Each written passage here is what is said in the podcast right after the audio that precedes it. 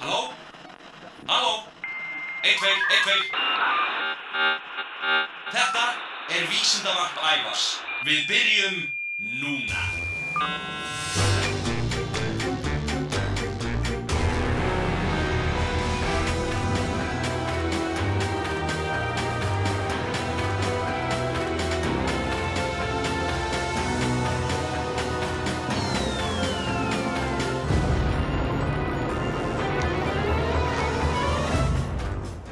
Komiði sæl og verið velkomin í Vísindavarpið. Ég heiti Ævar. Í þættinum í dag ætla ég að segja ykkur frá góskverum og þá sérstaklega þeim sem finna má í Haugadal. En það er ekki allt. Fyrst við erum lögð á stað í ferðalag út á land er upplagt að líta út um gluggan og aðtúa hvort við sjáum nokkuð kindur. Það eru nefnilega út um allt. Við ætlum líka að velta því fyrir okkur hvað maður getur gert þegar veðrið er vond og svo ætlum ég að segja ykkur frá því þegar ég klifraði perluna með tveimur ryggsugum. En fyrst, hverasögur. Geysisvæðið í Haugadal er eitt þekktasta hverasvæði í jarðar. Ef þú ferðangað þá verður að passa þig að vera alltaf á mertum göngustígum og alls ekki fara yfir kaðlana sem afmarka hverina. Það er nefnilega óskup einföld ástæða fyrir því að heimamenn girða svæðin af. Vatnið í hverunum getur verið sjóðandi heitt. Þarna er allt morandi í hverum. En ef einhver hver er frægar en aðrir, hver þessara hvera væri það? Jú, hverin geysir. Hann meira segja svo frægur að orði geysir þýðir góskver á mörgum tungumálum. Hann er stór og vígalegur og hættulega fallegur. Á síðustu öld, þegar geysir var upp á sitt besta, gaus hann mörgum sinnum á dag. En upp á síðkastið, þá hefur hann hins vegar verið freka rólegur og lætur lítið í sér heyra. Þó að geysir sé kannski frægasti hverinn, þá er strokkur sá sem allir fylgjast með núna. Ef þú ferðangað, þá skaltu leita að honum, hann er bara rétt hjá geysi. Ef þú finnur hann hverki, þá ert á öllum líkindum í vittlösum landsluta og, uh, og ættir að ná þér í landakort. Það er hægt að fara ansi nálagt strokk og um leið skella sér í stutta sturtu. Því þegar hann gís, fer vatn út um allt.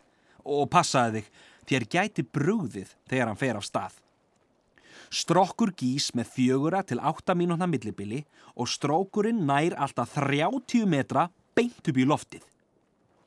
En þarna er ekki bara góskverir eins og strokkur. Úr sömum streymir gufa og þess vegna eru þeir kallaðir gufukverir. En aðrir eru kallaðir þykvukverir en þeir eru leirkverir. Í hlýðinni fyrir ofan geysi má svo finna konungsteinana. Það er svolítið flott nafn, konungsteinar. Steinarnir bera ártöl þryggja konungs heimsókna 1874, 1907 og 1921 og fangamark þryggja konunga Kristjáns níunda, Friðriks áttunda og Kristjáns tíunda. Á þessum steinum sátu konungarnir á meðan þeir byðu eftir því að geysir gísi.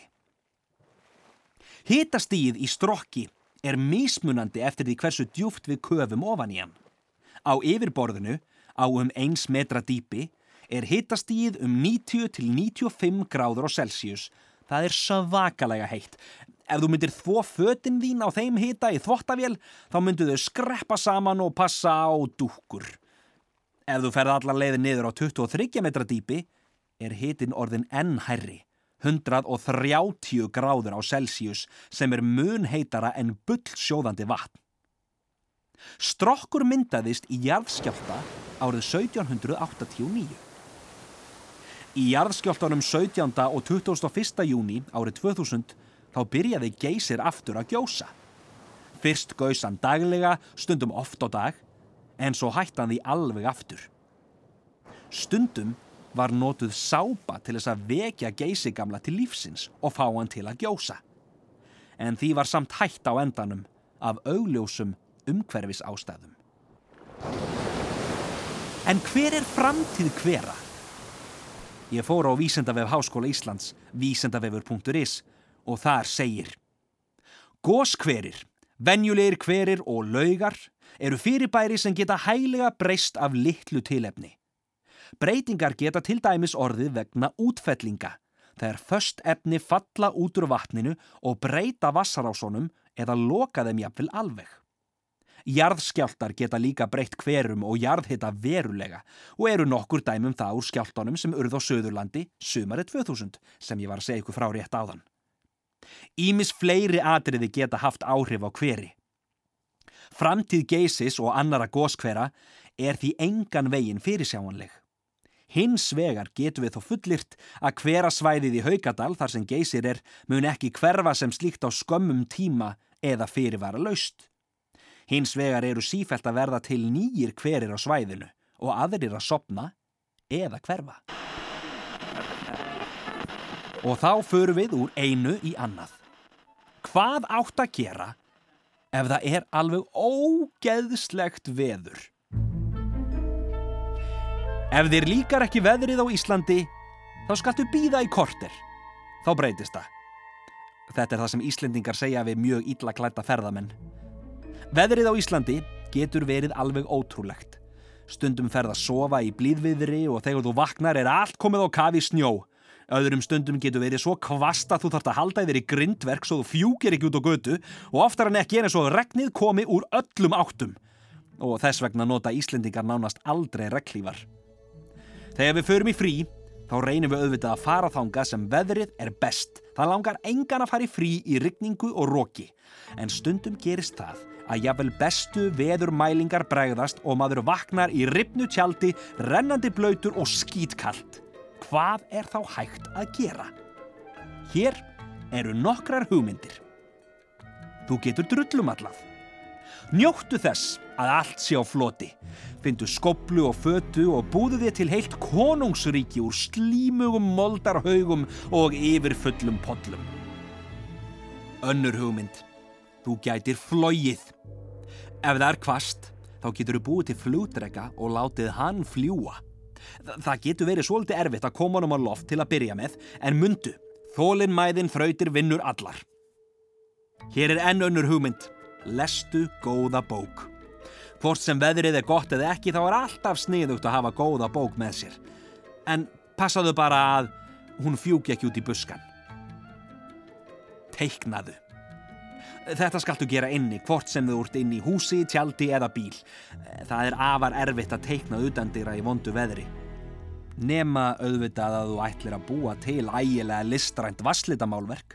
Þá skaltu endilega henda þér í podlagalan og mála eins og þið listir. Og síðasta ráðið, horðu út um gluggan.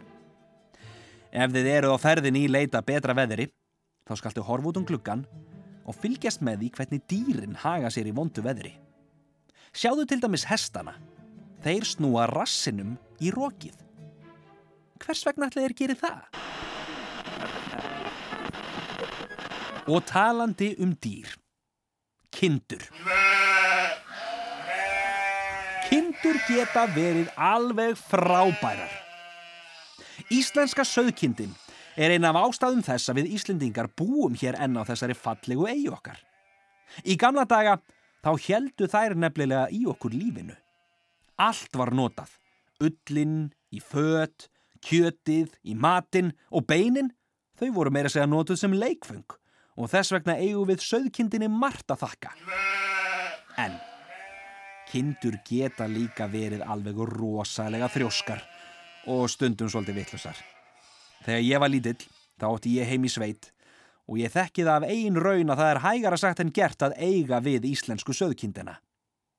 Ef þú hefur einhver tíman farið út á land, þá er ekki ólíklegt að þú hafið séð glitta í kind við þjóðvegin. Oft eru þar margar saman og stundum eru meira að segja lítil krútleg lömp með þeim, en hafðu þó í huga að fara varlega. Því oftar en ekki eru lömpin öðru megin við vegin á meðan mömmurnar flatmaga hínu megin. Og einhverju hluta vegna sem engin veit nefn hans í kind, hlaupa þar stundum á stað þegar þar sjá bíla, beint yfir vegin. Hvað áttu að gera? Ef þú sér kind í vegkantinum framundan, þá skaltu aðtuga hvort lamp eða önnur kind leynist hinum eigin. Þú skalt benda mömmu og pappa á að hæja örlítið á sér og vera viðbúin því að kindin taki á rás yfir veginn. Oftast halda kindurnar kyrru fyrir en allur er varin góður. Ég hafði samband við bændasamtökin og ég spurði hversu margar kindur byggju á Íslandi. Svarið var svakalegt. Í november 2013 voru vetrar fóðraðar kindur um 475.000 talsins eða tæplega ein og hálf kind á hvern íbúa á Íslandi. En það er ekki allt. Sankvæmt reglum er skilt að í fjárhúsi sé gert ráð fyrir að minnstakosti 0,7 fermetra golfplási fyrir hverja fullona kind. Húsplás fyrir allan fjárstofnin á Íslandi er því 332.500 fermetrar sem eru ríflega 5 smáralindir. Takk fyrir kjærlega.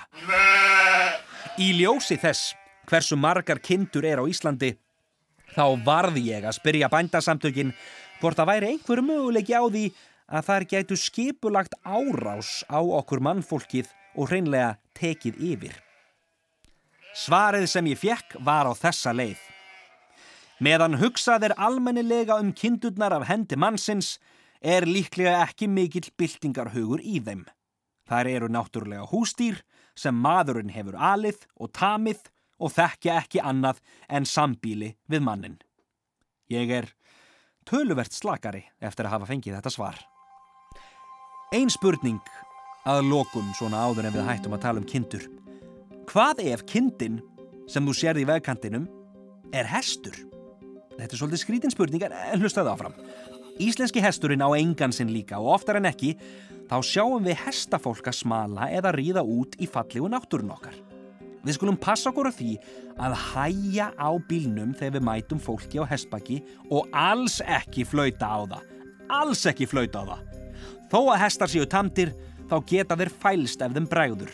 Alveg eins og okkur mannfólkinu getur brúðið ef einhver flautar okkur þegar við erum í göngutúr. Förum varlega. Eitt að lokum. Svona áður við hættum að tala um kindurnar. Það eru svo heitlandi skeppnur. Hér er mjög mikilvæg spurning. Hvers vegna minka lopapeisur í þvotti en kindur ekki í rigningu? Góð spurning. Lopapeisur, peisurnar sem prjónaðar eru úr ullsöðu kindarinnar, eru vand með farnar. Þú getur ekki bara hent þeim í þvottavél eins og hverjum öðrum gallaböksum, nei, nei, nei, nei, nei. Ullin er viðkvæm og eftir að hafa talað við Ingi Björgu Jónsdóttur, búningameistara og fata sérfræðing, veit ég allt um málið. Ef ullin lendir í of heitu vatni þá getur hún minkað og steinhætt að passa á þig. En ef lópapeisur minka í vatni, hvers vegna minka kindur þá ekki í rigningu? Það eru margar ástæður fyrir því. Í fyrsta lagi er fýta á ullinni á meðan hún er enn á kindinni sem veldur því að hún verður vassheld. Þegar ullin er rökuð af kindunum fer hún í langt og stramt ferli áður en henn er breytt í peysu. Þar sem hún er meðal annars þveginn og, og þá fer fytan úr henni. Í öðru lagi þá rignir ekki sjóðandi heitu vatni sem betur fer. Vatnið sem minkar lópapeysurnar í þvotti er mun heitar en rigningin okkar verður nokkuð tíman. Ef þið langar ægilega til þess að sjá pínu litla kind, þá mæli ég með því að þú skellir þér bara í heimsókn í næsta fjárhús að voru til og knúsir öll litlu sætu lömpin. Þá skal líka tekið fram að í þættinum í dag hef ég verið að tala alltaf um kindur en við eigum að sjálfsögðu mörg falleg orð yfir kindur á íslensku, önnur en orðið kind. Hér eru nokkur þeirra. Ær. Þetta er fallegt orð sem sumir halda að sé ægilega erfitt að fallbeja en það er frekar létt. Það gerum við svona. Hér er ær um á frá á til ær. Lamp. Það er annað fallegt orð. Það er lítil kind, hún er ægilega sætt. Heimalingur. Það eru lömp sem einhver hluta vegna hafa vanist við það að drekka mjölkur pela hjá mannfólkinu. Heimalingar eru alltaf kátir að sjá mann en geta samt verið alveg svakalega frekir. Hrútur, það er svona strákakind, hún er oft með horn og þeir geta verið harður í horn að taka, sérstaklega í desember því þá er fengitími. Og að lokum rolla. Það sem þú kallar kind þegar þú ert alveg að verða vittlaus á henni. Og hér að lokum, eitt lítið orðagrín. Hefur þú heyrt um hrútin sem varð ær að hann komst ekki verið ána. Og að lokum, smá vísindasaga. Og ég lofa, hún er dagsönn.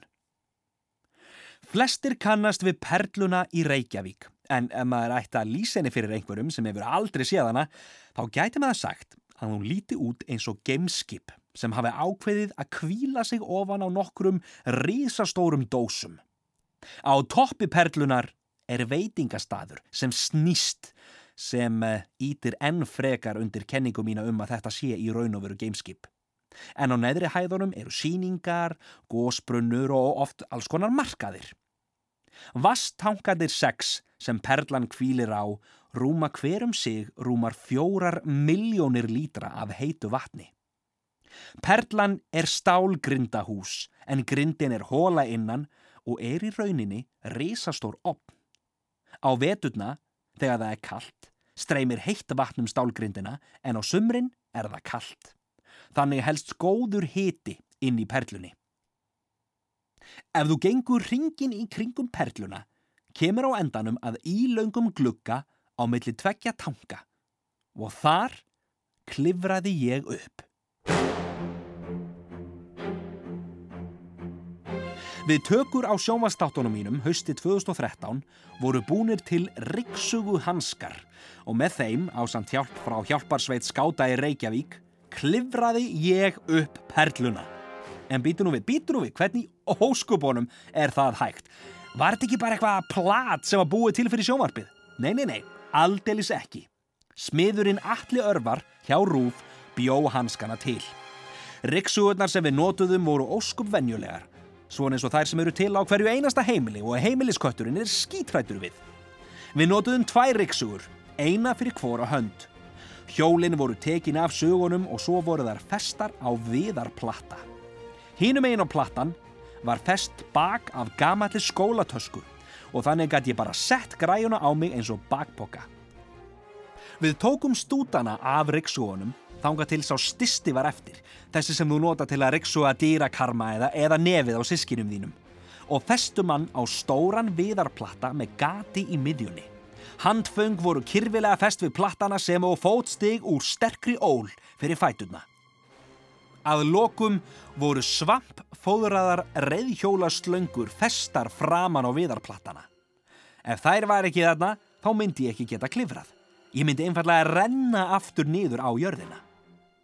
Núningurinn sem slangan myndar við glerið er grunnforsenda þess að ég hangi fastur. Núna gæti ég kveikt á reyksónum og læktar upp við næsta vegg. Viti menn, þar sóguðust þjættingsfast að honum. En það mikilvægasta var eftir. Að gera tvö lítil gött í viðarplattan og festa þar kyrfilega, litla, færanlega spýtu sem gerði mér kleift að hleypa lofti inn í tómið milli viðarplötunar og slöngunar. Þannig geti ég losað aðra höndin í einu og klifrað upp. Klifið á perluna gekk vel og ég komst næstum því alveg upp á topp. En eh, þá var ég orðið svo uppgefin að ég varð að bakka aftur niður og eh, satt best að segja, þá eiginlega hálf rundi ég niður. En sem betur fyrr voru skátarnir Reykjavík með mig í bandi og allt endaði vel. Þættinum er lokið. Ég vil þakka Vísendavef Háskóla Íslands, vísendavefur.is og um leið minna á heimasíðu þáttarins rúf.is skástrygg ævar.